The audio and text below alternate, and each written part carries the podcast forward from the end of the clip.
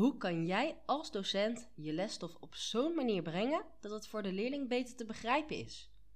Je leert het in deze miniserie. Hi, ik ben Lianne en ik vertel je in deze podcast graag hoe je ervoor zorgt dat je nooit meer hoeft na te blijven. Oftewel, langer op school zit dan nodig. Ik behandel verschillende thema's met je vanuit mijn eigen ervaring als docent. Leuk dat je luistert. Laten we beginnen. Ik bedenk me net dat ik met deze tip mezelf ook gelijk een beetje tegenspreek. Namelijk, geef informatie verbaal en visueel. Als kunstdocent weet ik als geen ander dat beelden heel belangrijk zijn. Onze hersenen onthouden beelden namelijk vaak beter dan woorden. En de combinatie is al helemaal perfect. Dat komt omdat onze hersenen met beeld en tekst op twee manieren werken. Dus als docent is het erg waardevol om de leerstof ook visueel weer te geven. Het zorgt ervoor dat leerlingen het hierdoor vaak een stuk beter onthouden. Maar let op, ga je PowerPoint alsjeblieft niet helemaal vol bouwen.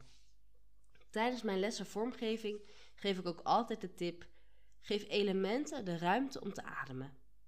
Zo werkt het dus ook met beeld en tekst in presentaties.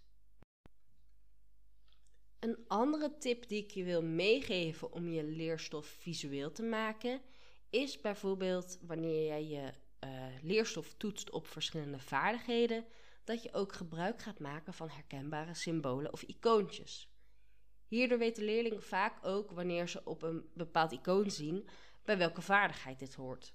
Zo weet ik dat ze bij ons op school voor het vak economie um, inzichtvragen hebben, rekenvragen en kennisvragen, als ik het goed herinner.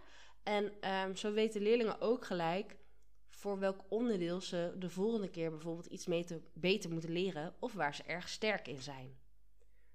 Door deze symbolen ook weer op de rubrics te zetten, dan heb je het al helemaal mooi voor elkaar. Want dan weten leerlingen ook gelijk hoe ze uh, en waar ze op kunnen scoren.